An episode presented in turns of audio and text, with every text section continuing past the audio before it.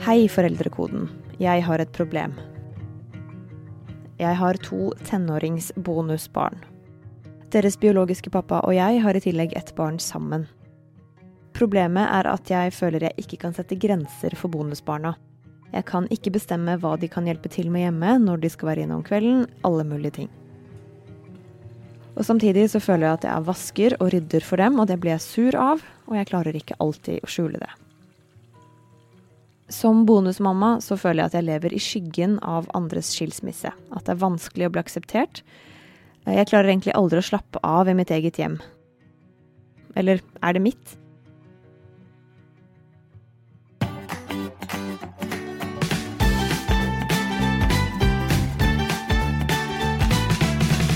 Hei og velkommen til en ny episode av Foreldrekoden. Vi skal i dag snakke om det moderne familielivet, på en måte. Nyfamilien kaller noen det, eller bonusfamilien. Og du hørte i starten her deler av en henvendelse vi har fått fra en bonusmamma, lest opp av en kollega av meg. For bonusmammaen ønsker selv å være anonym, men hun synes altså tilværelsen er ganske vanskelig. Og hvorfor er det egentlig slik, Hedvig Montgomery? For det første så berører dette mange. Eh, 20% av barna opplever at foreldrene går fra hverandre, og da havner de jo uvergelig i en eh, ny familiesituasjon. Det andre er at det er mange som var oppvokst selv eh, og fått inn en eh, ny forelder og har nok kjent på kroppen hvor vanskelig det kan være. Og hvor fint det kan være andre ganger når det fungerer. Sånn at det er mange, altså det er mange som har et nært forhold til dette. Og så må jeg jo si at det er én ting til. Det er at kjærlighet er fantastisk. Å få dette til er virkelig en stor ting. Når man ikke får det til, så er faktisk fallhøyden desto større. Eh, For barn tåler ikke å ikke bli likt av en voksen de bor sammen med. Så derfor er dette eh, kunststykket å få en bonusfamilie til å danse sammen, for å bruke et bilde. eh, Det betyr så mye for hvordan barna har det med seg selv. Hedvig Montgomery. Bonusbarn, bonusforeldre, sier vi. Er det egentlig en udelt bonus? Altså, jeg vet ikke, I Sverige så hadde man en periode hvor man kalte det for plastmamma og plastpappa. Plast? Ja, eh, Det vil vi ikke ha. eh, Jeg vet ikke helt. eh, Man kan jo undres over at dette satte seg sånn, men det, det gjorde det en periode. Jeg tror man, Det man prøver å si når man sier bonusforeldre og bonusbarn, det er at man prøver å si noe om at det er ekstra, at det er noe som kommer i tillegg til. Du har funnet deg en kjæreste, og ikke bare fant du deg en kjæreste, du fikk to fantastiske barn. Eh, og du prøver å si noen ting om at eh, ikke bare har jeg eh, en bra mamma og en bra pappa, men jeg har også en, en ekstra bonus. Jeg har en som kommer i tillegg. Fordi det er jo det som er det moderne. altså Før var jo steforeldre ting som kom istedenfor, i den forstand at det kom inn når en av foreldrene var døde, stort sett. Og da var jo også det en mer forekommende ting i, i barns liv. Eh, mens nå kommer stort sett nye foreldre inn som tillegg, og det er vel derav bonusordet kommer. Ja, jeg har forstått det slik at eh, du har rikelig erfaring med å håndtere problemstillinger knytta til dette i din praksis. Og hva er de vanligste uh, tinga som folk sliter med i denne rollen? Altså, du kan si at Først så er det en liten eh, honeymoon-situasjon som stort sett er i starten med en ny partner, hvor det kommer en ny partner inn i familien. Du er forelsket, barna blir glad for å se at du er glad. Eh, de er spent på denne nye personen. Eh, den nye personen er superforelska i deg, og dermed villig til å gå absolutt hvor som helst og kjøpe hva som helst til barna for å, for å få en god relasjon. Da er det ofte noen måneder hvor eh, foreldre sier at dette gikk helt overraskende bra. Eh, Etter ett år, for ikke å snakke om eh, etter to år, så kan bildet ha endret seg ganske mye, for da begynner det å bli hverdag, det begynner å bli virkelighet. Og det handler ikke lenger om bare forelskelse, det handler om å leve sammen. Og da blir det jo også ganske tydelig at det var du og den andre voksne som var forelska. Barna har jo egentlig ikke vært forelska eller bedt om å få inn en ny en i familien. Og dermed så får vi helt nye muligheter for eh, gnisninger og problemer. Hvilke ansvar har man som eh, bonusforelder i møte med partnerens barn? Altså, det er noen ting her som jeg tror er viktig. Det ene det er at ha ikke for dårlig tid med å treffe barna. Mange har lyst til å treffe barna så fort som mulig, for da føler de liksom at de setter to streker under svaret at det blir deg og meg. Eh, å gjøre det for tidlig er ikke noe god idé, for det gjør det ikke noe mer sant. Bruk tid på å date, bruk tid til å være bare dere to voksne sammen uten barna. Gjerne syv, åtte, ti, til og med tolv måneder er helt i orden. Før, eh, sånn at dere kjenner at jo, men det er noe mer her. Det er noe som vokser og blir til kjærlighet oss to imellom. Den tryggheten, at det ikke er den der fjortisforelskelsen i møte med barna, er en veldig fordel for barna. Så, så, jeg ville si at bruk tid på det å kjenne at dette er noen ting som kommer til å vare. Bruk tid på å treffe hverandre før dere introduserer barna. Når du så kommer og blir introdusert for partners barn, så skal du vite at dette er en relasjon mellom deg som voksen og barna er barn. Det betyr at du er ansvarlig for at den relasjonen blir ålreit. De er det ikke. Så uansett hvordan de er, så er det din jobb å prøve å bli kjent med dem, din jobb å prøve å både like dem og finne noen ting å like i dem. Det er din jobb å finne noen ting å treffes over med dem. Det er ikke din jobb å oppdra dem, det er ikke din jobb å sette grenser for dem. Ikke det? Nei. Da må du faktisk trekke deg litt tilbake igjen og la den andre forelderen gjøre det, i hvert fall de første tre årene. For så lang tid tar det omtrent å lage en god relasjon til et barn Sånn at du kan si du, ikke sitt med albuen på bordet. Det kommer ganske langt ut i forholdet. Man må vente så lenge med å si helt sånn bas, Ikke basale, kanskje, men helt sånn normale, vanlige høflighetsting også? Ja. ja. Så i, i, lang tid så er din jobb å være en ålreit voksen som kan snakke med barna, være med barna, leke med barna men du trenger den andre forelderen til å gjøre foreldrejobben. For forelder er du ikke ennå. Men hva er det som skjer da, hvis man går for uh, hardt inn, for å si det sånn, eller blir for ivrig? Uh, hva er det som skjer da? Det, kan det ødelegge relasjonen da, allerede før det har starta? Det kan ødelegge relasjonen før det har startet. For når du begynner å, å bli den eh, som sier nei, ikke sukker på en tirsdag, etter å ha vært i huset i noen uker, så vil ikke barna få den tilliten til deg som de trenger.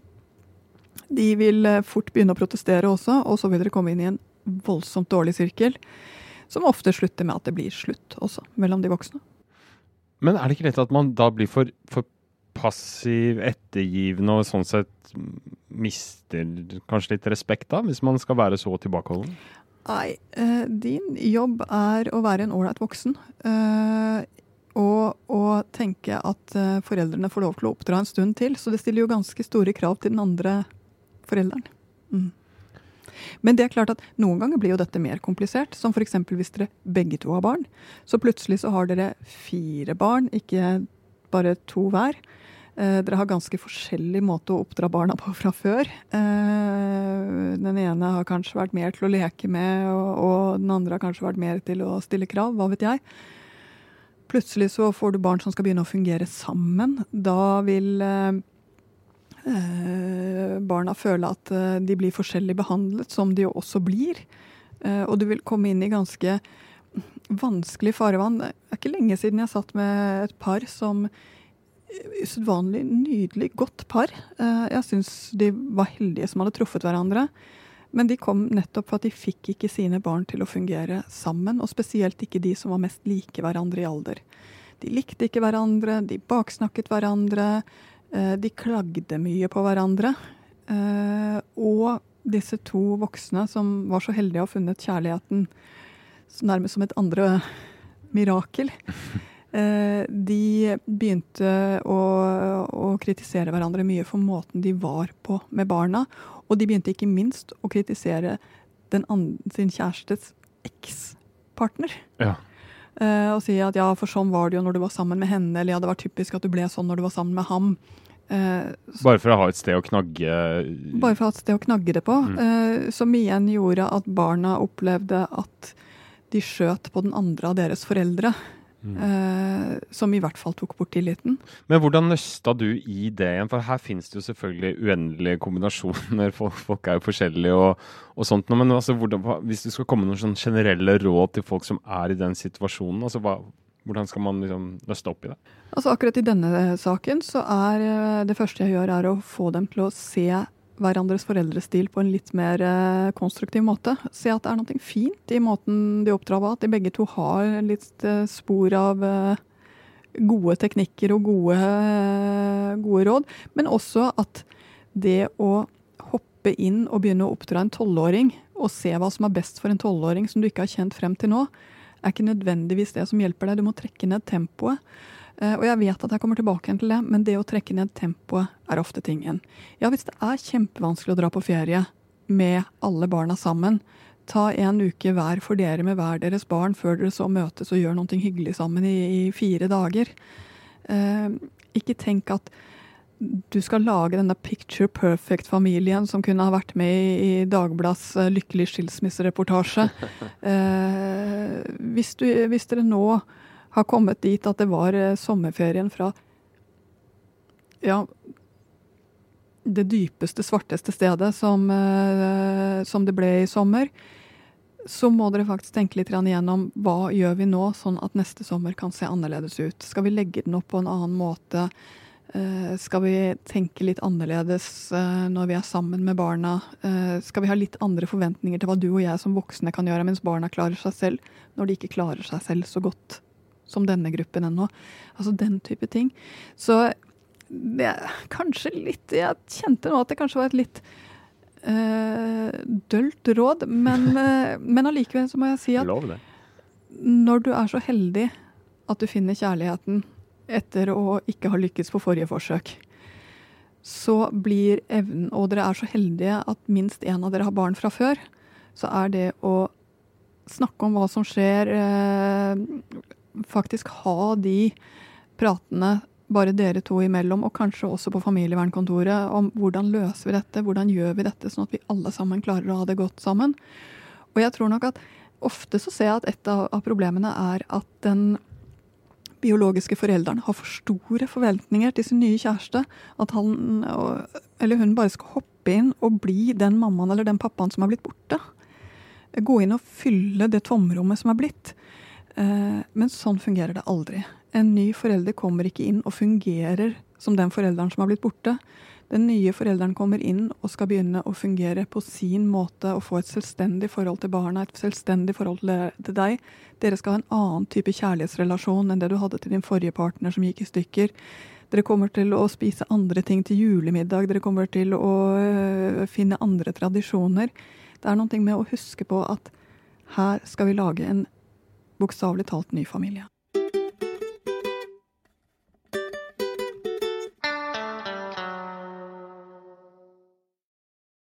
Vi har snakka litt nå eh, om eh, hva slags ansvar eh, den bonusforelderen som kommer inn, har.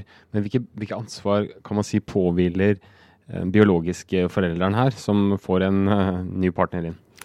Altså jeg tror at Hvis vi skal kalle det for urforelderen, da, urforelderen, ja. skal huske på noen ting.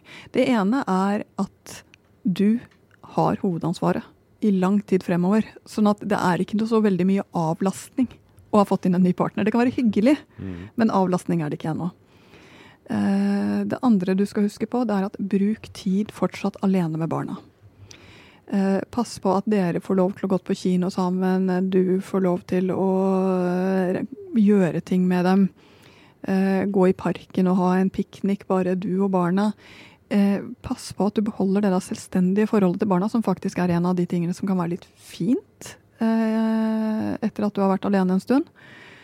Eh, og så tror jeg også du skal være klar over én ting til. Det er at det kommer inn en ny partner, og han er kanskje superforelsket i deg. Og han sier at det er helt i orden at du har en 13-åring eh, fra før. Men når alt kommer til stykket, så er det å tåle andres tenåringer eller andres barn er mye å be noen om. Så jeg tror også at du som urforelder her skal være klar over at du ber din nye partner om ganske mye. Eh, når du sier 'elsk ikke bare meg, men elsk også mitt barn'. Ja, vi hørte som nevnt i starten av episoden en eh, henvendelse som vi fikk fra en bonusmamma. Hun beskriver dette med grensesetting og også kommunikasjonen med bonusbarna, Hedvig. Hun syns det er vanskelig, en følelse av å være ukomfortabel, og hun finner ikke helt rollen. Og hvorfor er dette egentlig så vanskelig? Altså igjen, bare til For det første så tror jeg hun har helt rett. Og jeg hører det så ofte at det å flytte inn i en enhet som er der fra før, det er omtrent som å komme ny inn i en klasse. Her finnes det allerede etablert hvordan ting skal gjøres, rekkefølgen med hvem som får lov til å gå på badet, hvordan ting skal være plassert i kjøleskapet. Det er så mye av sånne småting som vi ikke tenker så mye over, som er ganske fasttømra. Eh, og det kan føles som du ikke har noen ting å si fra om i ditt eget hjem, og det er jo faktisk også ditt hjem. Så hvor krevende dette er for bonusmødre og bonusfedre over hele kloden, det tror jeg er fort gjort å glemme. Um, og at det tar tid å finne den balansen i denne familien. At det tar ekstra lang tid. Det tror jeg nok også det gjør. Særlig, særlig, hvis man da også skal følge ditt råd om å ikke egentlig sette så veldig mange grenser før det har gått en del år. Nei. Så her er tingen. Pass på at det er litt alenetid i alle konstellasjoner i familien. Det vil si at du har alenetid med den kjæresten som du ønsker å være alene med. At dere faktisk klarer å sette litt tid, bare dere to. Sørg også for at du innimellom gjør noe alene med disse barna, sånn at du kan bli kjent med dem. For man blir kjent med barn på en annen måte Eh, når man eh, ja, drar på eh, ut og handler sammen eller leker med Lego sammen på gulvet. Altså at du rett og slett har noe én-til-én-tid med barna. og så, når du kjenner at dette her dette går på min integritet, at de bare kommer rett inn når jeg dusjer f.eks., det håndterer jeg ikke. Da må du si det til kjæresten din. Vet du hva? Jeg tror vi må gjøre noe, for jeg takler ikke det. Kan vi rett og slett ha lås eller krok på døren. Eh, at du rett og slett får løst opp den type ting. For veldig ofte så er det nettopp det som er problemet. Men da må du først ta det med den andre, altså med urforelderen. Ikke rope til barna dere får ikke lov til å komme inn når jeg dusjer. Eh, fordi de er kanskje vant til det, de har ikke tenkt at de har gjort noe galt, uh, og plutselig så er du der som et hormonelt monster, uh, og attpåtil naken. Uh, det, kan, det, kan, bli rett og slett en veldig dårlig situasjon. Så du må rett og slett være forberedt på å gå ganske mye sammen med urforeldrene for å finne praktiske løsninger, og løsninger sånn at det gir plass for deg. Og så må jeg vel si at jeg har et siste råd her, og det er pass på din egen vennekrets. Eh, at du har litt tid utenfor familien. At du har noen å drikke et glass med og, og få lov til å Ventilere. Ventilere litt. Grann. Eh, fordi du er heldig som har truffet, eh, i hennes tilfelle da, sannsynligvis en mann, som du har lyst til å leve med. Men du har ikke fått den letteste veien til lykkelig familieliv. Det høres ut som kommunikasjon er viktig. Og så høres det ut som en fordel å sette opp flere lettvegger. kommunikasjon er viktig. Uh, og så tror jeg nok også at uh, litt is i magen er viktig. Uh, mm. Bonusmammaen vi har vært i kontakt med, har også fått et felles barn med sin nye mann. Det hun synes er vanskelig, er å unngå å forskjellsbehandle. Eller vil si, hun mener det er helt umulig ikke å forskjellsbehandle. Fordi, som hun sier, at hun, hun er rett og slett nærere, på godt og vondt, med sitt biologiske barn. Hun tør være strengere mot det, og hun tør være mer nær.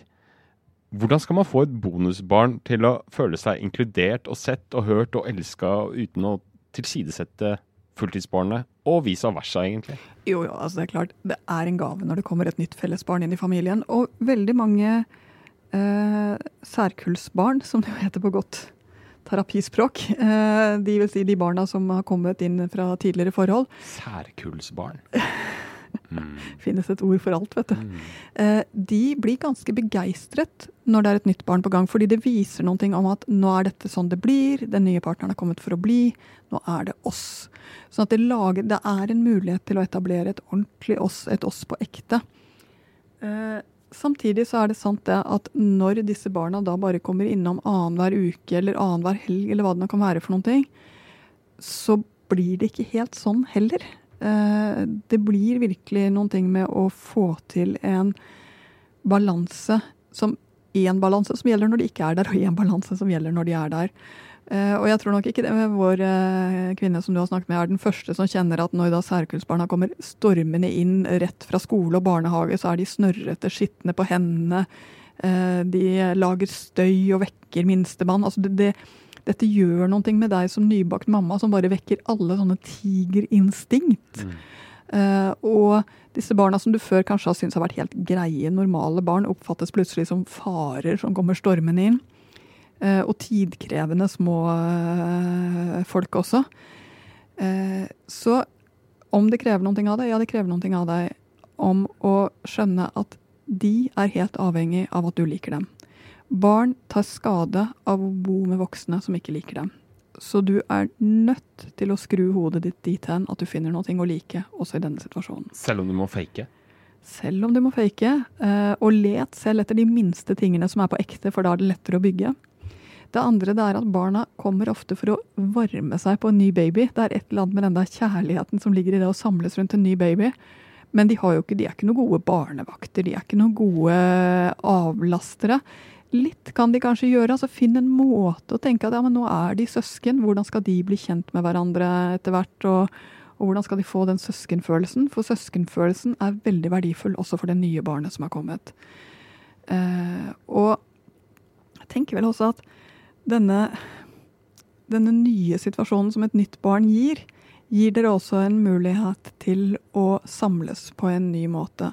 Men jeg må si jeg har jo selv eh, et eh, barn som eh, jeg hadde med meg inn da jeg traff mannen i mitt liv, for å uttrykke det på den måten. Mm -hmm. Og han var på det tidspunktet fem år. Og skal jeg si at jeg beundrer mannen i mitt liv for så mye, og en av de tingene jeg virkelig elsker ham for, og jeg har ikke noe svakere ord for det, det er at han behandler min eh, eldste så godt. Eh, han eh, gir ham oppmerksomhet, han gir ham penger, han gir ham hjelp. og det at vi har fått to barn sammen, har bare gjort ham ytterligere raus mot det barnet jeg hadde med meg inn. Uh, er det en grunn til å elske en mann, eller? Ja, er det ikke det? Ja, jeg ville si det. Men hvis vi skal dissekere det litt ned, altså hva var stjerne... Dette er et stjerneeksempel, høres det ut som. Din mann, altså. Uh, hva var det han gjorde riktig? Altså For det første må jeg vel bare si at det at vi uh, Det at vi ikke ble gravide så fort som vi ønsket, var kanskje uventet hell her. sånn at det gikk noen år hvor, hvor det var oss tre eh, før det ble oss fire, og etter hvert oss fem. Eh, det var fint. Det andre han har vært veldig flink til, mannen min, det er å eh, Jeg husker det fortsatt, det er faktisk en episode jeg husker. Eh, at min eldste slet med matte på skolen, eh, og eh, slet med leksene. Og mannen i mitt liv er jo attpåtil økonom, så da syns jeg jo at han kunne hjelpe ham med matteleksen. Men da sa mannen min ganske tydelig til meg at det kan jeg faktisk ikke gjøre. For én ting er at det blir krangel når du og han gjør dette. Det tåler dere. Men når jeg og han gjør det og det blir krangel, da tåler ikke vi det. Eh, fordi så sterkt er ikke vårt bånd fra før. Eh, og det må jeg bare si at jeg husker at han sa det, og med en gang han hadde sagt det, så var det så åpenbart riktig. Han hadde jo helt rett. Ja, han hadde vært bedre til å forklare disse mattetingene men det var ikke han som skulle gjøre det. Hmm. Kanskje han får starte bonusforeldrekoden, mannen din?